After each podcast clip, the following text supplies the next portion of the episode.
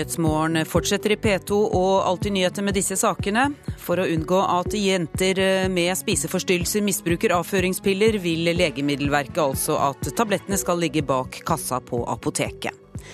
Gatekjøkken og kiosker er ikke med på Mattilsynets smilefjesordning. Det er beklagelig, mener Forbrukerrådet, fordi gatekjøkken ofte synder når det gjelder hygiene. Og terrorgruppa IS presses i Irak. I går kveld tok irakiske styrker kontroll over regjeringsbygninger i Ramadi. Nils A. Botensjøen forteller oss hvorfor Ramadi er en strategisk viktig by. Velkommen til Nyhetsmorgen. Jeg heter Kari Ørstavik. Ja, som vi hørte i Dagsnytt, Legemiddelverket ønsker at avføringstabletter skal ligge bak kassa på apoteket istedenfor i hyllene. Endringen kan komme neste år, og har som mål å hindre både misbruk og feilbruk, spesielt blant unge jenter med spiseforstyrrelser. Mitt forhold til kroppspress startet egentlig veldig tidlig. Den populære motebloggeren Katrine Heienberg avslørte sin mørke hemmelighet om sin ekstreme slankekur da hun ga ut boken Selvskryt i høst. For i mitt hode, der sommerkroppen var første prioritet, så trodde jeg at avføringspiller var en fin måte å annullere feil og utskeielsen jeg hadde gjort fra dietten min. Så det var sånn det begynte. I boken avslører 25-åringen at hun kjøpte avføringspiller jevnlig i fire-fem år, og brukte de spesielt rett før hun skulle på en ferie eller en fest ville egentlig stikke fingeren i halsen, for jeg følte det var litt sånn lettere, men jeg klarte det rett og slett ikke. Og så syns jeg jeg har lest noe om avføringspiller, da, så tenkte jeg ja, det blir jo litt sånn same same. Så da dro jeg på apoteket og kjøpte det, jeg var akkurat blitt 17 år, og sa at de var til mamma. Jeg fikk et veldig skeptisk blikk fra, fra damen i kassen da. Ja, i legemiddelmeldingen som nå skal behandles i Stortinget like over nyttår, så snakker man om et nytt prinsipp, det vi kaller farmasøytutlevering. Og det vil altså si en slags reseptfrie legemidler som skal ha litt ekstra informasjon fra farmasøyten før du kan kjøpe det på apoteket. Du trenger altså ikke resept fra lege, men du skal ha informasjon fra farmasøyten. Steinar Madsen er medisinsk fagdirektør i Statens legemiddelverk, og håper at en endring kan føre til bedre informasjon og mindre misbruk. Ja, da vil det jo bli en høyere terskel. Da kan man ikke bare gå i hyllen og kunden gå i hyllen og forsyne seg. Da må de gå og spørre farmasøyten, og da blir det selvfølgelig en høyere terskel. Og da kan også farmasøyten lettere si nei eller gi informasjon til pasienten. Eh, veldig, veldig støttende til det. Eh, på tide. Det bør gjøres. I Norge så jeg kjøpte jeg jo jevnlig avføringstabletter og så liksom ned i bakken. Jeg hadde ikke lyst til å ha noe samtale, men det, det, var aldri noe problem. Men en gang i England faktisk, så skulle jeg prøve å kjøpe. Og da fikk jeg beskjed fra hun bak kassen at eh, du, jeg må faktisk hente sjefen min, fordi at jeg er litt skeptisk til å selge deg avføringstabletter. Og da var jeg så flau at jeg løp ut av butikken. Og det satte en litt sånn støkk i meg. Men i Norge har det aldri vært noe problem. Bare det at man må si høyt 'jeg skal ha avføringspiller', det tror jeg kommer til å ha en stor effekt. Tove Ytterbø, leder i Norges farmasøytiske forening, håper produktene blir plassert bak kassen. Da vil du sikre at de som kjøper de, vil få god informasjon og rådgivning om produktene. Og forhåpentligvis også kunne eh, forklare disse unge jentene som kjøper de, at eh, de faktisk ikke har den effekten de er på jakt etter. En enkel hendelse endret livet til bloggeren. Eh, det var rett og slett Det var igjen før en sydentur, bare at nå var det fire år etterpå. Jeg skulle reise på formiddagen, og da hadde jeg selvfølgelig, i hermetegn, tatt eh, avføringspille kvelden før for å bli tynn i bikini. Eh, men den dagen skjedde det noe nytt som jeg syns er veldig merkelig at det ikke skjedde før, og det var at jeg besvimte. Og ble liggende på badegulvet i en halvtime før jeg klarte å bevege meg, og i løpet av den halvtimen gjorde jeg mye tenking som endret livet mitt. Reporter her var Fairos eh, Sado. Forbrukerrådet er kritisk til at eh, ikke gatekjøkken og kiosker er med på Mattilsynets smilefjesordning. Fra nyttår skal et ansiktsuttrykk fortelle kundene hvor rent det er på 8000 norske restauranter og kafeer. Fagdirektør Gunstein Instefjord i Forbrukerrådet mener gatekjøkken burde vært med fordi de er hygienesyndere. Det syns vi er beklagelig. Dette er en såpass god ordning at den bør omfatte absolutt alle spisesteder, også mindre gatekjøkken. Og eh, vi vet fra de tilsynene som er gjort, ikke minst eh, nå her i Oslo i sommer, at de fant altfor mange feil eh, når det gjelder gatekjøkken. Da gikk de gjennom 49 gatekjøkken, og seks av de ble stengt. Og det sier noe om alvoret i den delen av bransjen, og viktigheten av at ordningen også omfatter mindre spisesteder. Vognen skal være rent og pent. Det skal være, som de norske venner kan få. De røde pølser. Du er stolt av din smiley? Ja, det er vi. Det er vi. Det er vi meget stolt. Stolt av sin smiley. På Rådhusplassen i København selger Kalle Brenner pølser av alle slag. Godt synlig festet til brødristeren og dandert med danske flagg henger rapporten fra Fødevarebestyrelsen, det danske mattilsynet. Et smilende ansikt og tittelen 'Elitesmiley' viser at han har hygienen på plass, og at han har hatt det de fire siste tilsynene.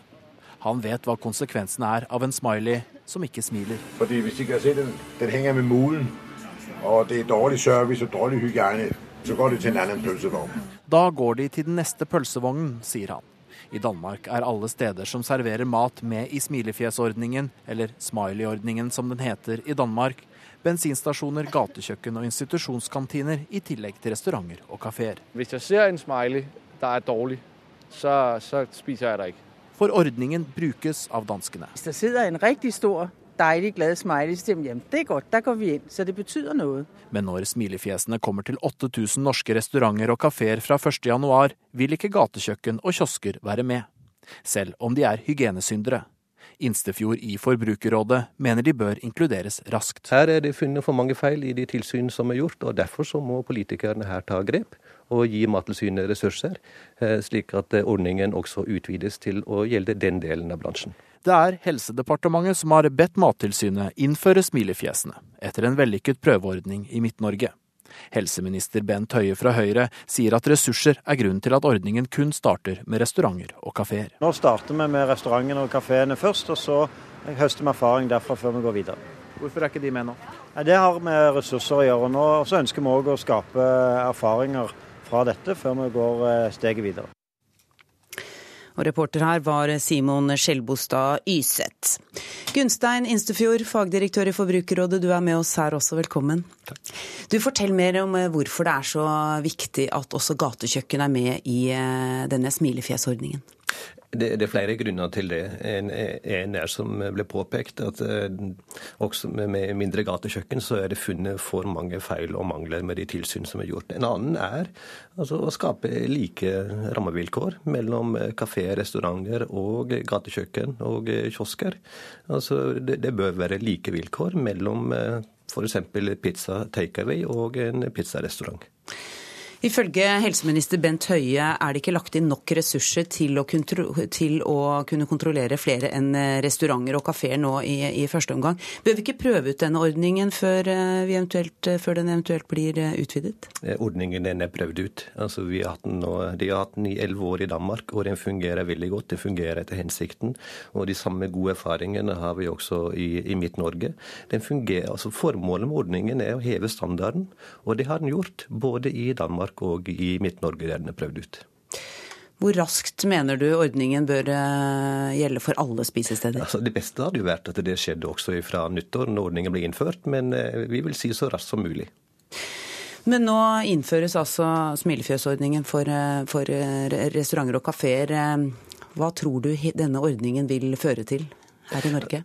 Så jeg tror at ordningen over tid vil gi de samme resultatene som vi har sett i Danmark. Der er andelen eh, spisesteder med alvorlige feil og mangler den er blitt halvert siden ordningen eh, ble innført.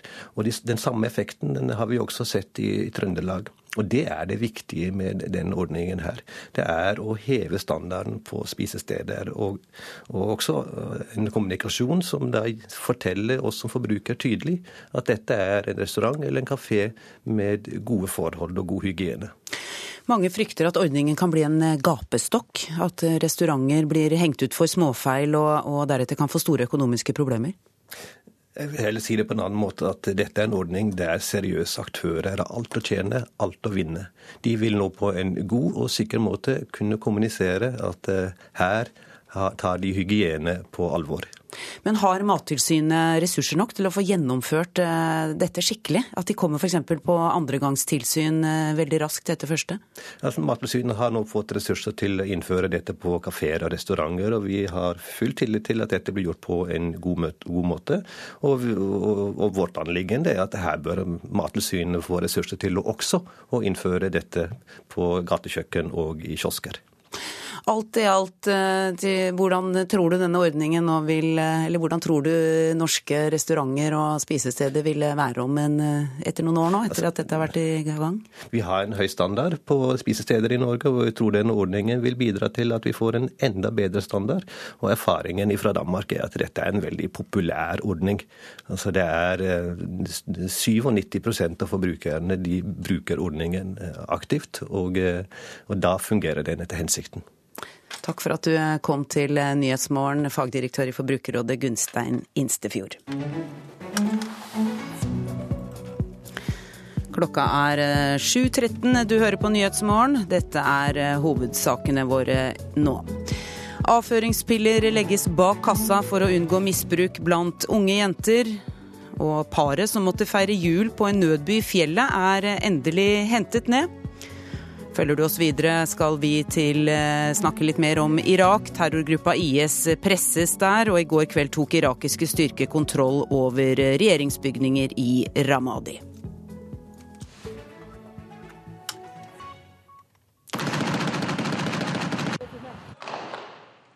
Dag for dag har de kommet nærere målet. Etter intens kamp har den irakiske hæren endelig fått kontroll over Ramadi. Internasjonale styrker har støtta opp med angrep fra lufta. Ifølge hæren er ekstremistene i IS nå drivne ut. Det irakiske flagget er heist i Ramadi.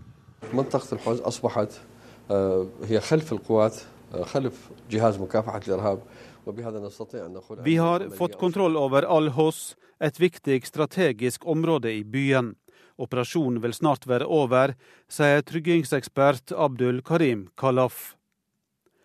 IS tok kontroll over den strategisk viktige byen Ramadi i mai. Den gangen måtte de irakiske soldatene rømme. Nå er de altså tilbake. Ramadi ligger 100 km vest for Bagdad og er hovedstad i Anbar-provinsen. ما نحددها لضرورات أمنية الأيام القليلة سوف تكون Vi vil ikke si noe eksakt tidspunkt, men styrkene våre kommer til å ta kontroll over hele Ramadi by, forsikrer Abdul Ghani al-Asadi, som er general i den irakiske regjeringshæren. Nå vil den irakiske hæren drive IS ut av storbyen Mosul. Det er neste mål. Og det sa reporter Eivind Molde. Nils A. Butensjøen, du er professor ved Norsk senter for menneskerettigheter. IS kontrollerer eh, store områder i Irak, men hvorfor er det så viktig for irakiske myndigheter å gjenvinne kontrollen over akkurat eh, denne byen, Ramadi? Jo, Det er flere grunner til det. Én ting er selvfølgelig det symbolske. Eh, I og med at tapet de hadde i, i, mai, var jo veldig forsmedelig for eh, den irakiske hæren. De måtte flykte eh, hals over hode, nærmest. Eh, og med tanke på at dette er en utrolig viktig strategisk by i nærheten av Bagdad, så er det klart at det var et, et stort nederlag for uh, de irakiske styrkene. Så det å kunne gjenerobre Ramadi er, er, er veldig viktig. Nå, jo, nå har vi jo ikke fått bekreftet, og det er vanskelig å vurdere herfra, hvor, hvor, i hvilken grad de har full kontroll over denne byen. Uh, I krig så er sannheten det første offer, så vi, vi får få de rapportene etter hvert. Men det er klart at i det siste nå så har de irakiske styrkene vært i stand til å organisere seg mye bedre, koordinere sin innsats bedre. Også koordinere med amerikanske støttefly osv.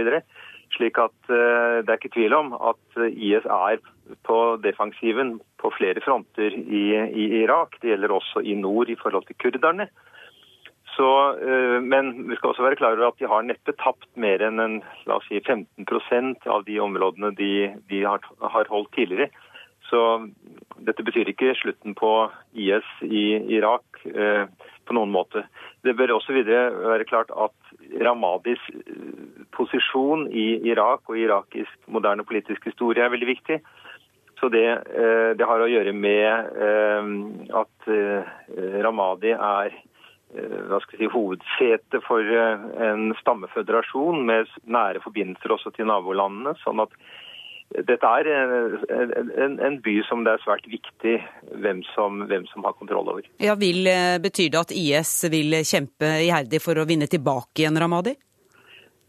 Det er vanskelig å si. Det kan, mye kan tyde på at de ikke vil eh, gjøre det. At de har eh, mer eller mindre gitt opp. Så vidt jeg forstår så er det nå relativt få IS-styrker igjen i, i, Ramadi. At de nå fokuserer mer på å holde eh, de områdene som de, de ellers har. Eh, ikke minst, som det ble nevnt, dette med Mosul. Altså at de eh, må forberede seg på å forsvare Mosul, som jo er en uhyre viktig annen by i, i Irak i nordøst. Så vi får se hva som, hva som skjer, men jeg, mye kan vel tyde på at, at Ramadi vil komme under full kontroll av sentralregjeringen. Takk skal du ha, Nils A. Butensjøen. Til sammen 43 mennesker er blitt drept i ekstremvær sør og sørvest i USA de siste dagene. Delstatene Texas og Missouri er hardest rammet av tornadoer og springflo. Og meteorologene mener uvanlig varme desembertemperaturer er en årsak til de ekstreme værforholdene. On fatalities at the state level, we don't have an official number uh, to announce at this time. Uh, obviously, the number is far too many. Texas-guvernør Greg Abbott frykter at flere enn elleve mennesker kan ha omkommet i serien med tornadoer som rammet området rundt Dallas lørdag kveld lokal tid. Fire fylker rundt storbyen er erklært som katastrofeområder, og opprydningen pågår fortsatt. I Missouri, lenger vest, er det erklært unntakstilstand i hele delstaten etter at det samme stormsystemet førte til ekstrem flom som kostet minst åtte mennesker livet. Det var ventet mye regn, men ikke før senere i uka. Dermed ble konsekvensene mye verre enn ventet, sier en mann i et av de oversvømte områdene der til Reuters. Guvernøren i Missouri sier mange veier er stengt, og frykter at flommen kan bli verre fordi det er meldt enda mer regn. Også i nabodelstaten Illinois har menneskeliv gått tapt i uværet. De dødelige stormene kom like etter at Mississippi, Louisiana, Arkansas og Tennessee ble rammet av tornadoer på lille julaften, der 18 mennesker ble drept. Til sammen har dermed 43 mennesker her mistet livet i uværet i jula. Det er ikke vanlig med tornadoer i desember. Og uvanlig varmt vær her den siste tida er en årsak til at så mange kraftige tornadoer har fått bygge seg opp sier meteorologer. Den sterkeste tornadoen som rammet Texas, var en såkalt kategori 4, med vindstyrke på mer enn 300 km i timen. Det er utstedt nye tornadovarsler for de neste dagene for en rekke av områdene som allerede er rammet. I tillegg har det begynt å snø lenger vest i Texas og i New Mexico. Tusenvis av fly er kansellert. 1500 flyvninger bare til og fra Dallas, som er et viktig trafikknutepunkt. Tove Bjørgaas, Washington. Vi går til dagens avisforsider. Aftenposten skriver at Russland står overfor en befolkningskollaps. De neste årene halveres antall kvinner mellom 20 og 29 år. Og Putin bruker 470 milliarder kroner på å få kvinner til å føde flere barn. Flere anmelder rasisme og diskriminering, skriver Klassekampen. I Oslo er antallet politianmeldelser av hatforbrytelser knyttet til dette doblet fra i fjor. I Vårt Land ser vi Erna Solberg på forsiden i dag. Hun ber nordmenn se flyktninger som mennesker og ikke muslimer. Snakk med flyktninger, oppfordrer hun. Frykten er større der man ikke har truffet noen, sier hun. Korrupsjonsmistanke i Akastor kan vi lese på forsiden til Dagens Næringsliv. Det Kjell Inge Røkke-kontrollerte selskapet Akastor iverksetter intern korrupsjonsgransking som følge av korrupsjonssakene i brasilianske Petrobras. VG tar for seg 2016-økonomien. Sju eksperter gir deg svaret på hvordan økonomien din blir med hensyn til lønn, bolig, pensjon, reise, rente og bensin. Kunnskapsminister Torbjørn Røe Isaksen troner forsiden av Dagsavisen med sitatet 'Den eh, politikken Sverige har ført, har vært helt hinsides'.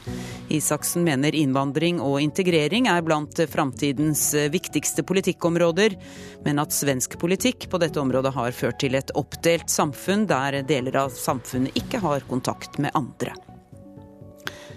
Nasjonen skriver at halvparten av oss ikke sjekker hvor kjøttet vi spiser er produsert. Menn og unge sjekker kjøttet minst, viser en undersøkelse.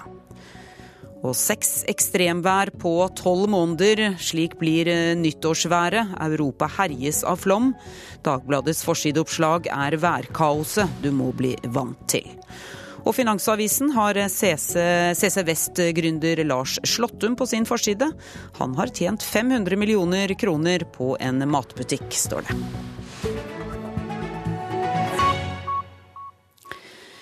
Det har vært en spesiell jul på Svalbard i år, også for de mange turistene som velger å legge feiringen dit på den mørkeste tiden av året. En mann og et barn mistet livet i raset som evakuerte halve Longyearbyen. Til tross for tragedien har lokalbefolkningen gjort sitt for at de tilreisende skal få en fin opplevelse. Gyri Wergeland Vallevik sier hun har opplevd mye omsorg. Alle er veldig sånn imøtekommende. Jeg tror de er vant til å ha litt gjennomtrekk i samfunnet. Vant til også å ta vare på hverandre. Sånn at jeg opplever at det er mye omsorg. Ja. Turismen til Svalbard øker stadig. I 2012 kom det nesten 85 000 hit, mange av dem om vinteren. Mange kommer også fra fjerntliggende strøk. Jeg har støtt på amerikanere, australiere, franskmenn og portugisere. De fleste kommer for å jakte på nordlyset, sånne som Shankar fra India, som jeg treffer på et av byens hotell. How do you find Svalbard? Cold and dark. Dark, yes. yes. And uh, yeah, it's my first time uh, in a place where it's 24 hours uh, no sun. Det er første gang han er på Svalbard. Han syns det er kaldt. Vel mørkt 24 timer i døgnet. Merkelig, sier han. Nå gjør han seg klar for å dra på tur med hundeslede. Det er nok å finne på. Det er Robert Nilsen som skal ta med utlendingene på sledetur med hundespann.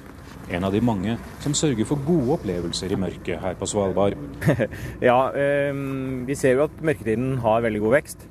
Så, så, for tre år siden så var det ingen vits å ha åpent i romjula. Nå er det grei butikk. Natura dominator heter slagordet til Visit Svalbard. Den dominerende naturen. Naturen byr på sitt beste hver dag. Hvor mange turister skal du ha med deg nå? I dag skal vi ha med fire stykker. Snakker du norsk? Sorry, no. No, you come from? Uh, France. And now you're going for a... For some husky tour? Yes.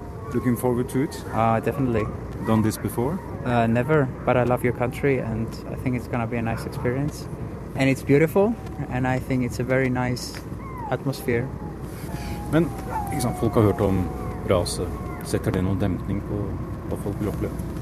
Jeg, det er jeg litt usikker på, men det som, det som, jeg har fått kommentarer fra turister som er her, er at de, at de er imponert over omsorgen i byen, og, og, selv at de blir tatt imot som turister, eh, som gjester, selv om det har skjedd en katastrofe i byen. Så, så, så er byen har hodet på rett plass og hjertet på rett plass. Det er veldig mye varme her. Folk er åpne, de tar veldig rask kontakt. Og det er ikke noe vanskelig å snakke med noen. Vår reporter i Longyearbyen var Nils Meren. Nå starter romjulshandelen for fullt, og på flere kjøpesentre står nissen og ønsker folk velkommen. Flere bemanningsbyråer har fått i oppdrag å skaffe nisser til handelsstanden, men ikke alle egner seg som nisse. Strømmen storsenter hadde en egen nisseaudition i år, uten at noen fikk jobben. Senteret måtte ut for å finne en selv. Hei, hei. Er du her i dag? Så koselig det var å se deg, da.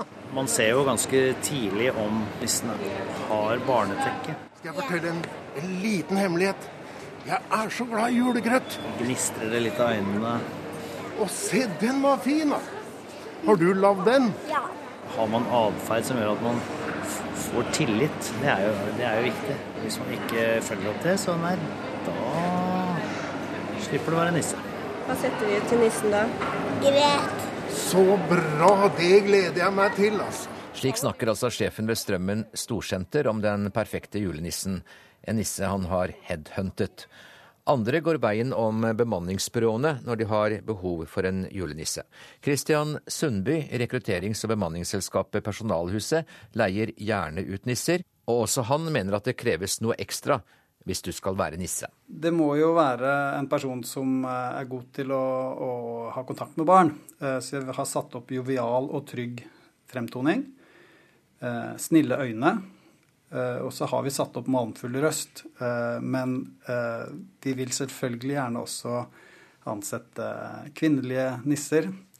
Og de har kanskje ikke så malmfull røst, men det må jo være noen som har en røst som bærer litt og kan si ho-ho på en troverdig måte. Nissen er en mann. Han har skjegg. Om han er litt stor, tror jeg også julenissen er. Han eh, kan jo ikke være en spjæling. Og så en annen ting som jeg liker veldig godt, er pepperkaker. Oi, oi, oi. Kanskje vi får sett ut det òg, da? Ja. ja, gjør det. det blir, da blir jeg veldig glad. Og reporter her var Hans Jørgen Solli. Du lytter til eh, Nyhetsmorgen. I reportasjen etter Dagsnytt kan du høre at eh, i storbyen Dubai bor det mennesker fra helt andre himmelstrøk. For fjerde år på rad arrangerer eh, disse en stor julefestival i byen, som er mer kjent for sand og sol enn for snø og is. I Politisk kvarter kan du bl.a. høre romjulsduell mellom Arbeiderpartiet og Høyre. Produsent for Nyhetsmorgen er Jean Erik Bjørnskau. Jeg heter Kari Ørstavik.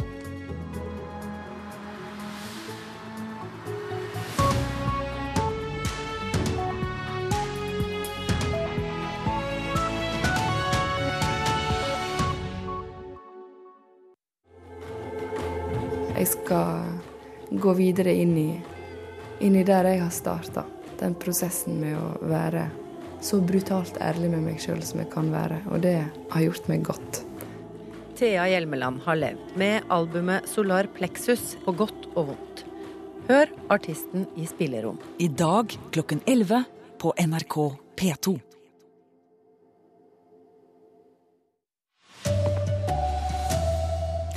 500 soldater er satt inn for å hjelpe flomrammede i England. Unge jenter misbruker avføringsmidler, nå kan pillene bli satt bak kassa på apoteket. Og paret som måtte feire jul på en nødbu i fjellet, er endelig hentet ned. God morgen, her er NRK Dagsnytt klokka 7.30 ved Tone Nordahl. Først til Storbritannia. Der fortsetter kampen mot flomvannet på tredje dagen på rad i flere områder nord i England. Flere hundre soldater er satt inn i redningsarbeidet, og rundt 1000 eh, står i beredskap dersom behovet øker. Storbritannia-korrespondent Espen Aas, hva er siste nytt om flommen? Ja, I den historiske byen York hvor problemet er aller størst, så ventes det at flomtoppen eh, nå snart er nådd, iallfall om noen timer ved lunsjtid.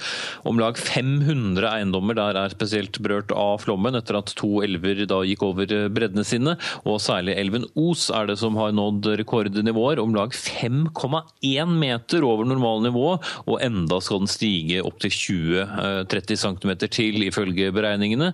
Og de materielle skadene er naturlig nok store, men det er er eh, så langt ikke meldt om at noen har mistet livet som følge av eh, denne flommen som nå har pågått i tre dager. Ja, det kom særlig mye regn eh, på lørdag.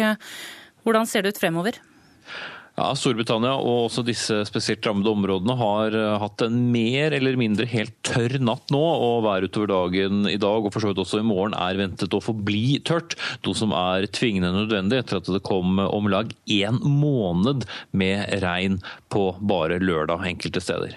Hvordan håndterer myndighetene denne situasjonen? Ja, her har det jo vært eh, krisemøte på krisemøte, og som du sa i innledningen så er jo flere hundre soldater sendt ut. 500 tallet, 1000 til eh, venter. Eh, statsminister David Cameron er ventet å gjøre nok et besøk hos de flomrammede i dag. Det er satt opp krisetelefoner, men det er jo lite som kan gjøres. Vannet har gjort de skadene det har, og opprydningsarbeidet har jo på langt nær fått kommet skikkelig i gang, ettersom det jo fortsatt er vann mange, mange steder. Takk skal du ha, Espen Aas. I USA er antall omkomne etter ekstremværet der nå kommet opp i 43. Det er erklært unntakstilstand både i Missouri og New Mexico. Biler er feid av veien og hus er ødelagt i det voldsomme uværet som har rammet seks amerikanske delstater i julehelgen. I Texas omkom minst elleve mennesker i tornadoer i Dallas-området. Misbruk av avføringsmidler kan føre til at slike medisiner blir gjemt mer bort i apotekene. Særlig blant unge jenter med spiseforstyrrelser er dette et problem. Jeg ville egentlig stikke fingeren i halsen, for jeg følte det var litt sånn lettere, men jeg klarte det rett og slett ikke. Blogger Katrine Heienberg kjøpte jevnlig avføringspiller i fire-fem år. Hun brukte de spesielt ofte rett før hun skulle på en ferie eller en fest. Så da dro jeg på apoteket og kjøpte det. Jeg var akkurat blitt 17 år. Og sa at de var til mamma. Jeg fikk et veldig skeptisk blikk fra damen i kassen da. Men i løpet av neste år kan pillene bli mindre synlige på apoteket. Eh, veldig, veldig støttende til det. I Norge så eh, jeg kjøpte jeg jo jevnlig avføringstabletter og så liksom ned i bakken. Jeg hadde ikke lyst til å ha noe samtale, men det, det, var aldri noe problem. Men en gang i England faktisk, så skulle jeg prøve å kjøpe. Og da fikk jeg beskjed fra hun bak kassen at eh, du, jeg må faktisk hente sjefen min, fordi at jeg er litt skeptisk til å selge deg avføringstabletter. Og da var jeg så flau at jeg løp ut av butikken. Reportere her var Oda Midbø og Faros eh, Sado. Ja, medisinske fagdirektør i Statens legemiddelverk, Steinar Madsen. Hvor utbredt er misbruk av denne typen medisiner? Ja, Det vet vi jo ikke, men det er veldig mange som bruker disse medisinene. Og de, de fleste misbrukerne er nok egentlig blant de eldre som har kommet, fått denne uvanen at de må bruke avføringsmidler hele tiden. Så Det er nok det største problemet. Men vi vet også at noen ungdommer, noen jenter, misbruker disse midlene. Men det som vi hørte om her, uh, altså bruke det for å bli tynnere, kan man slanke seg ved hjelp av avføringstabletter, egentlig? Nei, man kan ikke egentlig slanke seg. Man hopper i tømmer tarmen, da blir man jo litt lettere. Men det er jo ikke snakk om ekte slanking. Det vi er mest redd for når det gjelder misbruk av avføringsmidler, det er jo det, de jentene som har anoreksi og bruker dette på toppen av at de spiser veldig lite. Da kan man få alvorlige bivirkninger, bl.a. i form av forstyrrelser av elektrolyttbalansen, altså mineralene i blodet. Det kan, det kan være veldig alvorlig. Nå er det også snakk om å ha disse pillene bak kassa, slik at man må spørre etter dem. Tror dere det vil ha noen eh, effekt? Ja, det vet vi at det vil ha. Og vi gjorde jo et grep i 2010. Da reduserte vi de reseptfrie pakningene fra store pakninger på 100-200 tabletter ned i bare 20 tabletter og osv. Og, og da falt salget umiddelbart, men rundt 15% Så vi vet at det å stramme inn på dette her har en effekt. Og det å sette det bak disken, slik at man må spørre en farmasøyt på apoteket om å få disse medisinene og da få veiledning, det kan være et godt tiltak.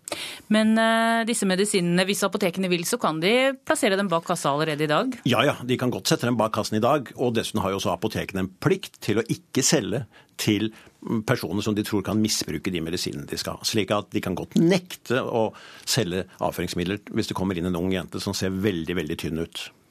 Du, Når blir det bestemt disse om disse medisinene skal stå bak kassa i alle apotek? Ja, Det er en utredning som skal skje i 2016. Da skal vi utrede noe som heter farmasøytutlevering. Altså at det er en del legemidler som på en måte skal være reseptfrie, men du må snakke med en farmasøyt før du kan få dem på apoteket. Takk skal du ha, fagdirektør i Legemiddelverket Steinar Madsen. Forbrukerrådet er kritisk til at ikke gatekjøkken og kiosker er med på Mattilsynets nye smilefjesordning. Fra nyttår skal et ansiktsuttrykk ved inngangsdøra fortelle kundene hvor rent det er på 8000 norske restauranter og kafeer. Fagdirektør Gunstein Instefjord i Forbrukerrådet mener gatekjøkken burde vært med i ordningen, fordi det ofte slurves med hygienen der. Det syns vi er beklagelig. Dette er en såpass god ordning at den bør omfatte absolutt alle spisesteder, også mindre gatekjøkken. Og eh, vi vet fra de tilsynene som er gjort, ikke minst eh, nå her i Oslo i sommer, da gikk det gjennom 49 gatekjøkken, og seks av de ble stengt. Vognen skal være rent og pent. Det skal være, som de norske venner kan få. De røde pølser. Du er stolt av din smiley? Ja, det er vi.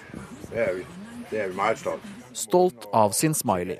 På Rådhusplassen i København selger Kalle Brenner pølser av alle slag. Godt synlig festet til brødristeren henger rapporten fra fødevarebestyrelsen, det danske mattilsynet. Et smilende ansikt som viser at han har hygienen på plass. Fordi hvis de kan se den, den henger med mulen, og det er dårlig service og dårlig hygiene, så går det til en annen pølsevogn. Da går de til den neste pølsevognen, sier han. I Danmark er alle steder som serverer mat med i smilefjesordningen. Hvis jeg ser en smiley der er dårlig, så, så spiser jeg det ikke. Men når smilefjesene kommer til 8000 norske restauranter og kafeer fra 1.1, vil ikke gatekjøkken og kiosker være med. Her er det funnet for mange feil i de tilsyn som er gjort, og derfor så må politikerne her ta grep og gi Mattilsynet ressurser. Men helseminister Bent Høie fra Høyre, som har bedt Mattilsynet innføre smilefjesordningen i hele Norge, vil avvente. Det har med ressurser å gjøre nå. og Så ønsker vi òg å skape erfaringer fra dette før vi går eh, steget videre. Det mm, Reporter i dette innslaget var Simon Skjelbostad Yseth. Paret som har sittet værfast siden lille julaften i Tafjordfjella i Møre og Romsdal, ble reddet ned fra fjellet i natt. Paret i 40-årene ble overrasket av uvær mens de var på skitur. Først gravde de seg ned i en snøhule, og dagen etter tok de seg til en nødbø der de har ventet på å bli reddet ut. Etter det jeg har hørt, så har eh, paret det for så vidt eh, bra. De har vel eh, hatt en relativt kjedelig julefeiring, men de er vel ved relativt god form. Det sier operasjonsleder ved Gudbrandsdal politidistrikt Arne Strøm om hvordan det går med paret som har sittet værfast i fjellet i Skjåk siden lille julaften. Paret i 40-åra ble overraska av uvær natt til lille julaften ved Grotli og gravde seg ned i ei snøhule. På formiddagen lille julaften klarte de å ta seg inn i ei sikringsbu ved danskehytta. De fikk kontakt med politiet som prøvde å få de to ut fra fjellet, men det var ikke lett.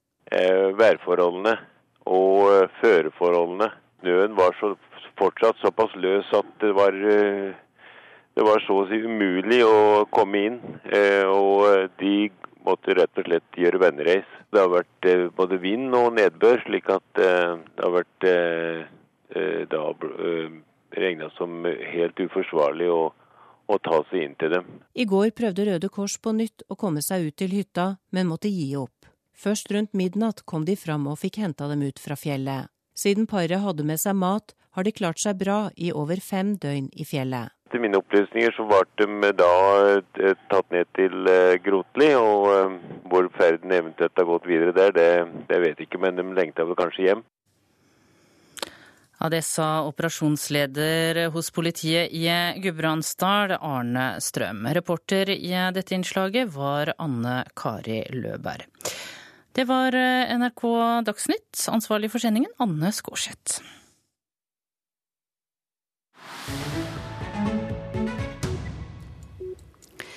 I storbyen Dubai bor det mennesker som kommer fra andre himmelstrøk, fra land der de er vant til å feire jul. Og for fjerde år på rad arrangerer disse en stor julefeiring i storbyen, som er kjent for sand og sol og aldeles ikke snø og is. Den store julefesten er blitt svært populær i Dubai, som har fremmedarbeidere og tilreisende fra mer enn 100 land.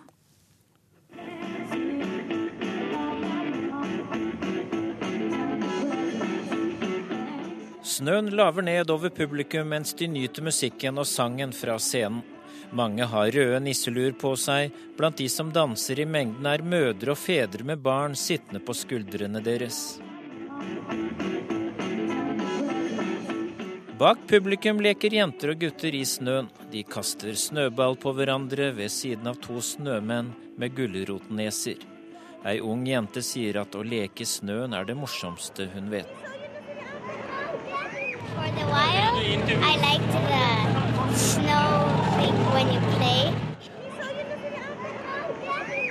Men det er noe som ikke stemmer midt i idyllen med snø og nisselur. Gradestokken viser mange plussgrader, og vi er i et land kjent for ørkensand, ikke snø. Et land der det aldri har vært et ekte snøfnugg.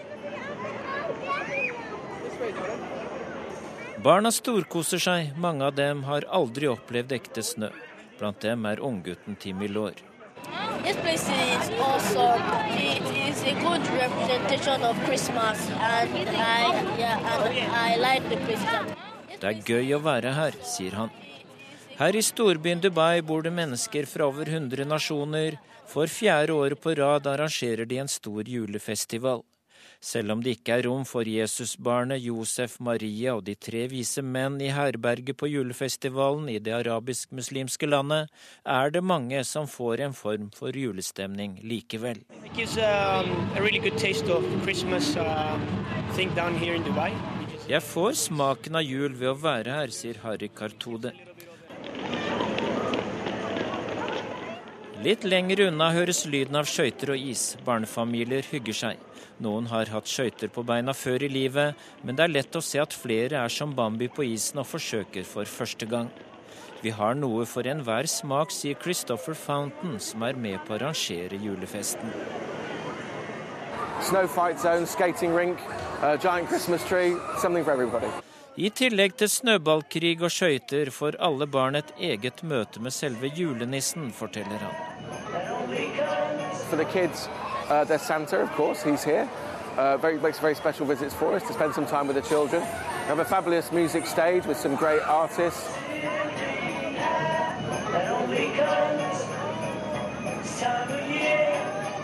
Mange festpyntede gjester, de fleste i lette sommerantrekk, poserer sammen med julenissen, mens falsk snø drysser over dem fra en av de mange snøkanonene. Snø, skøyter og julenissen er ørkensand i Emiratene. Det er ikke vanskelig å se at det er kommersielle krefter som står bak julefestivalen. Det er en egen julegate her, der representanter fra 150 bransjer selger sine varer. Mange i Dubai ønsker nok en jul som minner om feiringen i det landet de opprinnelig kommer fra. Men andre synes det at julefeiringen er annerledes, er spennende. Det at et land på den arabiske halvøya forsøker å gi fastboende og tilreisende en følelse av jul, oppleves eksotisk, ifølge Gina Alcuino. Really.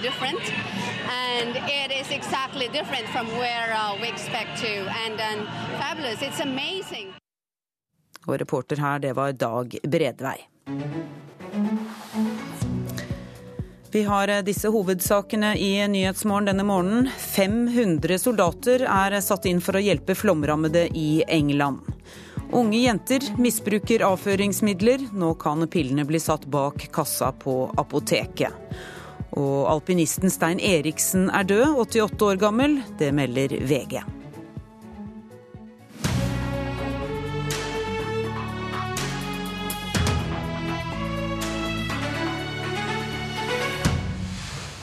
Et år er eh, snart slutt. I Politisk kvarterstudio har vi samla nestlærerne i de to største partiene i dag. Det blir romjulsduell mellom Jan Tore Sanner og Trond Giske. God morgen. Riktig god morgen. Kommunalminister og nestleder i Høyre, Jan Tore Sanner. Mange har spådd at et av dine viktigste prosjekt som minister, nemlig kommunereformen, at den blir en fiasko. Til nå har ni kommuner slått seg sammen, eller sendt søknad om å slå seg sammen. To til kommer over nyttår. Er du fornøyd med tempoet, eller har du venta deg litt mer futt? Jeg mener at vi er godt i gang. Må huske at forrige kommunereform den tok hele 20 år. Etter et drøyt år så har vi nå fått ni søknader, og veldig mange kommuner er nå i gode prosesser og i reelle forhandlinger. Erna Solberg satte en mål for reformen, at vi skulle få under 400 kommuner. Og Trond Giske, nestleder i Arbeiderpartiet, hva tror du er årsaka til at vi er et godt stykke unna statsministeren sitt mål? Det er noen ganske beskjeden ambisjon i seg sjøl. Jeg er mye mer opptatt av eh, hva innholdet i kommunenes tjenesteproduksjon eh, er. Hvordan skolen drives, hvordan eldreomsorgen eh, leverer god kvalitet, trygghet for gamle mennesker som trenger omsorg. Det kan sikkert styrkes ved sammenslåing noen steder, men først og fremst handler det om ledelse, det handler om ressurser, det handler om god kvalitet på den jobben som gjøres. Og Der syns jeg det er litt for lite initiativ. Jeg håper jo at Sanner lykkes i å reformere kommunene, i å tilpasse både kart og innhold til dagens virkelighet. Men det går jo ikke veldig fort framover. Og dette tredje året i en regjeringsperiode, det er det er som tredjerunden på en 1500 meters skøyte. Det er da det skal avgjøres, det er da det tunge slitet kommer. Og det er da planene skal settes ut i livet. Så 2016 blir nok et spennende år for både Sanner og for kommunene. Ok, Hva vil du gjøre for å klare å oppføre, oppfylle sjefen ditt sitt mål, som du fremdeles er et stykke unna?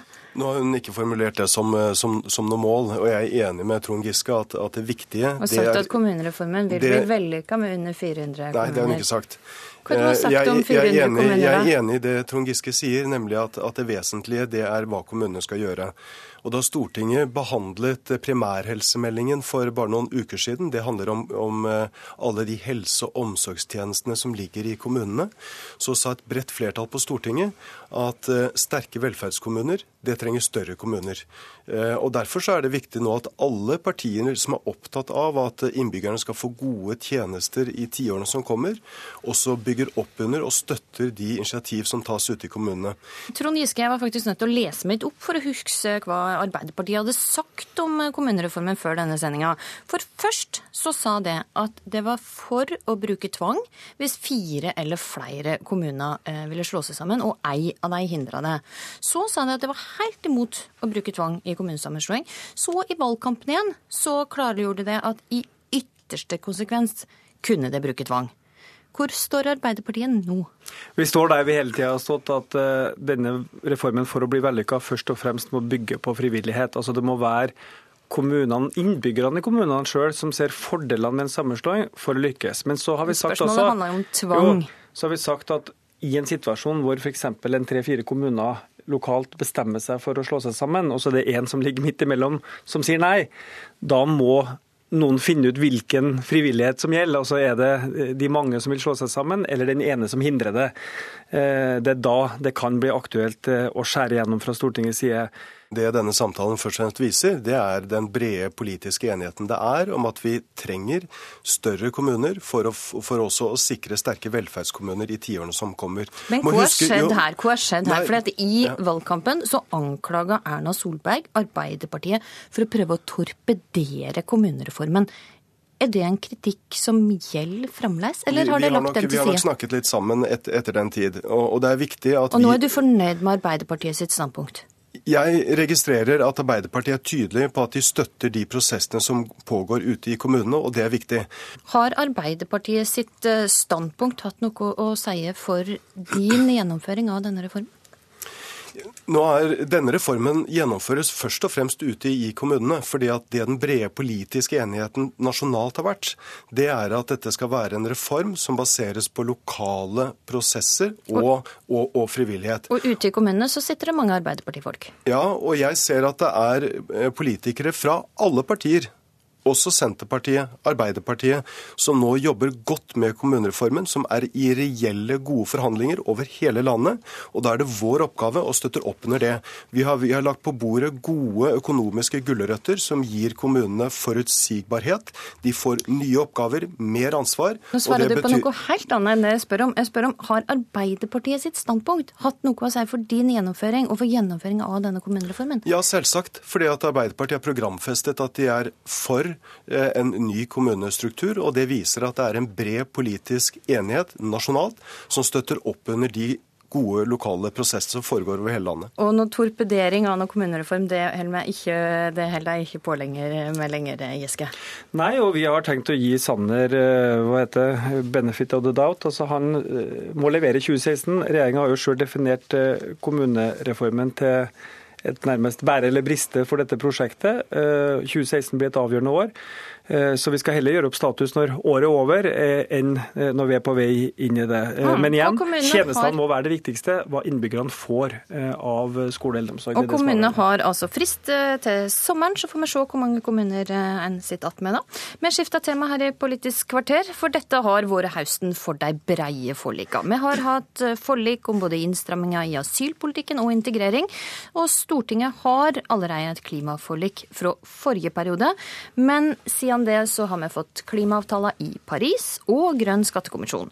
Og det blir hevda at Høyre og Arbeiderpartiet ikke står så langt fra hverandre i klimapolitikken, så vi skal ta en liten test her i Politisk kvarter og prøve oss på en ja-nei-runde. Bare lov å svare ja-nei. Eller veit ikke. Um, først, Sanner. Bør 23. konsesjonsrunde bli gjennomført som planlagt? Ja. Ja. Giske. Ja, enig der. Bør norsk oljepolitikk ligge fast også etter klimaavtalen i Paris, eh, Sanner? Ja. Giske? Ja, i hovedsak. Bør vi avvikle taxfree-ordninga? um, nei.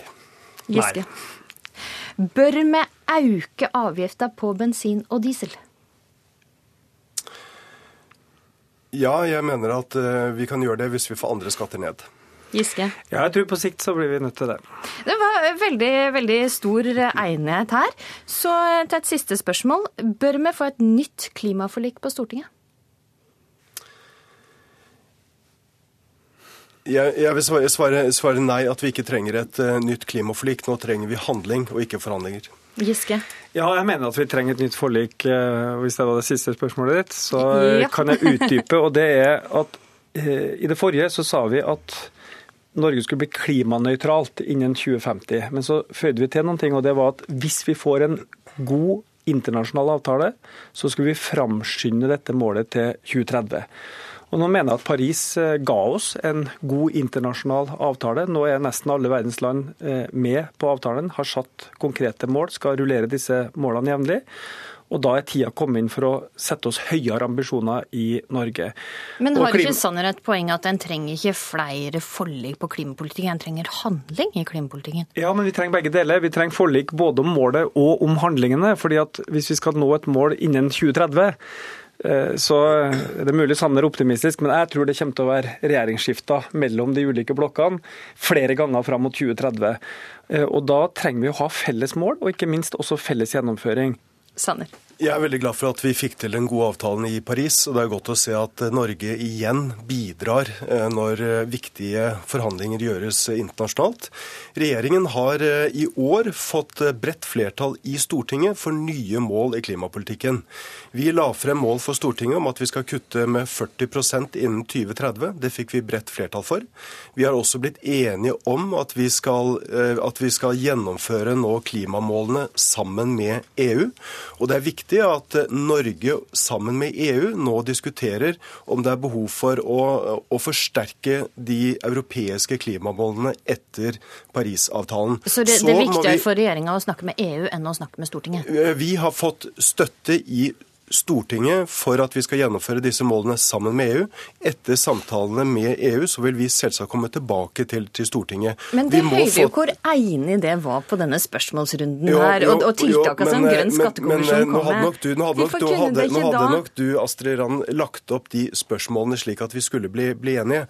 Det vi ser, er at, at, vår regjering sammen med Kristelig Folkeparti og Venstre nå får til tidenes satsing på jernbane, på kollektivtransport, eh, gjennom at vi nå har fått på plass ny energikraft på boliger. Vi faser ut bruk av oljefyr og ny teknologi. Så du trenger ikke de rød-grønne og Arbeiderpartiet med på laget? Jeg mener at det er viktig at i så viktige spørsmål så skal vi lytte til alle partier. Men nå krever klimapolitikken først og fremst handling. Vi har fått flertall for, for målene. Vi skal gjennomføre mye også sammen med andre europeiske land. Og vi må nasjonalt sørge for at vi får til det grønne skiftet, både i, innenfor vei og også i industrien. Og det, det gjennomfører vi nå. Sist jeg hadde dere to i studio, det var under Arendalsuka, under starten av kommunevalgkampen. Etter det så har Tromsø, Bergen, Oslo Ålesund og Haugesund gått fra å være blå til å bli røde. Og er det blitt litt vanskeligere for det å få med det kommunene og disse store byene på regjeringa sin politikk etter dette, eller merka du ingen forskjell, Sanner? Jeg tror først og fremst at det er velgerne som vil merke forskjell. Eh, det betyr noe når den røde alliansen har overtatt i, i, i, Oslo. Eh, vi har fått til mye god byutvikling. Vi har ikke minst satset på, på skole og, og, vist at en god skole bidrar til sosial eh, utjevning. Men har det noe å si for det? men, men regjeringen, og for regjeringas styringsdyktighet? Og, og jeg samarbeider godt med alle byene og alle kommunene, uavhengig av hvem som, hvem som styrer. Det har vi lang tradisjon for i Norge, at regjeringen samarbeider med kommunene. Så det har ikke noe å si for regjeringa sin styringsdyktighet? Nei, det har det, det har det, ikke. Lokalvalget har først og fremst konsekvenser for den politikken som føres eh, lokalt. Mm. Hva har det å si for Arbeiderpartiet og eh, valgkampen fram mot 2017 at eh, hovedmotstanderen har mista makta i disse norske byene som jeg nevnte? Det er jo selvfølgelig sånn at Kommunevalget og seieren der gir oss veldig inspirasjon fram mot 2017. Men jeg vil jo si at det først og fremst betyr noen ting for folk som bor i de byene. Men, der også er det ikke som det. men, men, men, det er klart at eh, det som skjedde i kommunevalget var jo ganske dramatisk. Altså Regjeringspartiene eh, mista hver tredje velger siden stortingsvalget. altså Gikk fra 1,2 millioner eh, stemmer i stortingsvalget til 780 000 stemmer i kommunevalget 2015. Eh, og jeg tror aldri det har skjedd at en regjeringskonstellasjon har gått så kraftig tilbake i et mellomvalg eller et kommunevalg, og så vunnet neste stortingsvalg. Eh, Høyre har gått frem i over 100 kommuner eh, i kommunevalget. Vi sitter med ordførere fra Vadsø i nord og til Lindesnes i nord, i sør. Eh, I både små og store, store kommuner. Men det har historisk... mista makta i en rekke jo, da, jo da, store byer nei, det, i Norge? Det er helt riktig, men Norge består av mer enn store byer. Norge består også av mange små og mellomstore kommuner, og vi har gått frem i over 100 kommuner. Skal vi slutte på det, du, at det skal være små kommuner? Trond Giske, hvis du først skal skal se på året som har gått, så ser vi at Arbeiderpartiet har gått ned med hele 8 prosentpoeng siden toppnoteringen i februar. Så det som står igjen mot slutten av dette året, det er jo faktisk at det igjen på målingene er blitt borgerlig flertall, mens Arbeiderpartiet har falt, eh, falt kraftig. Det er klart. Det er jo ikke noe tvil om at velgerne i september, da de faktisk gikk til urnene, ga Eh, en veldig klar beskjed. Vi liker ikke dette Høyre-Frp-prosjektet. Og Det som er også spennende nå, er at eh, sentrumspartiene søker seg mot oss. Heller ikke dem liker dette Høyre-Frp-prosjektet. Fra Finnmark i nord og helt ned til Rogaland så sitter vi i fylkessamarbeid sammen med KrF, eh, og ofte også KrF og Venstre, bortsett fra i Møre og Romsdal. Sånn at dette er et dramatisk skifte, delvis hos velgerne, som snur fra høyresida mot sentrum-venstre, men også i konstellasjonene, hvor KrF også snur ryggen til dere i fylke etter fylke og kommune etter kommune. Og Det er jo et interessant eh, signal fram mot 2017. Flere fylke og byer der samarbeider KrF til venstre i stedet for til høyre? Ja, og det, Man skal ikke overrasket over at sentrumspartier kan samarbeide begge veier. Eh, men nasjonalt så har både KrF og Venstre et godt samarbeid med Høyre og, og Fremskrittspartiet. Men gir det det noen form for signal at en lokalt rundt omkring i landet så vender flere KrF-partier seg mot Jeg tror man skal være veldig forsiktig med å trekke for sterke konklusjoner av det. Ok, Vi kan eh, konkludere kanskje med at kampen om Kristelig Folkeparti sin gunst kommer til å fortsette også neste år. Der må vi runde av. Jan Tore Sanner og Trond Giske ønsker dere begge ei fredelig romjulstid og et godt nytt år. Politisk kvarter i dag var ved Astrid Randen.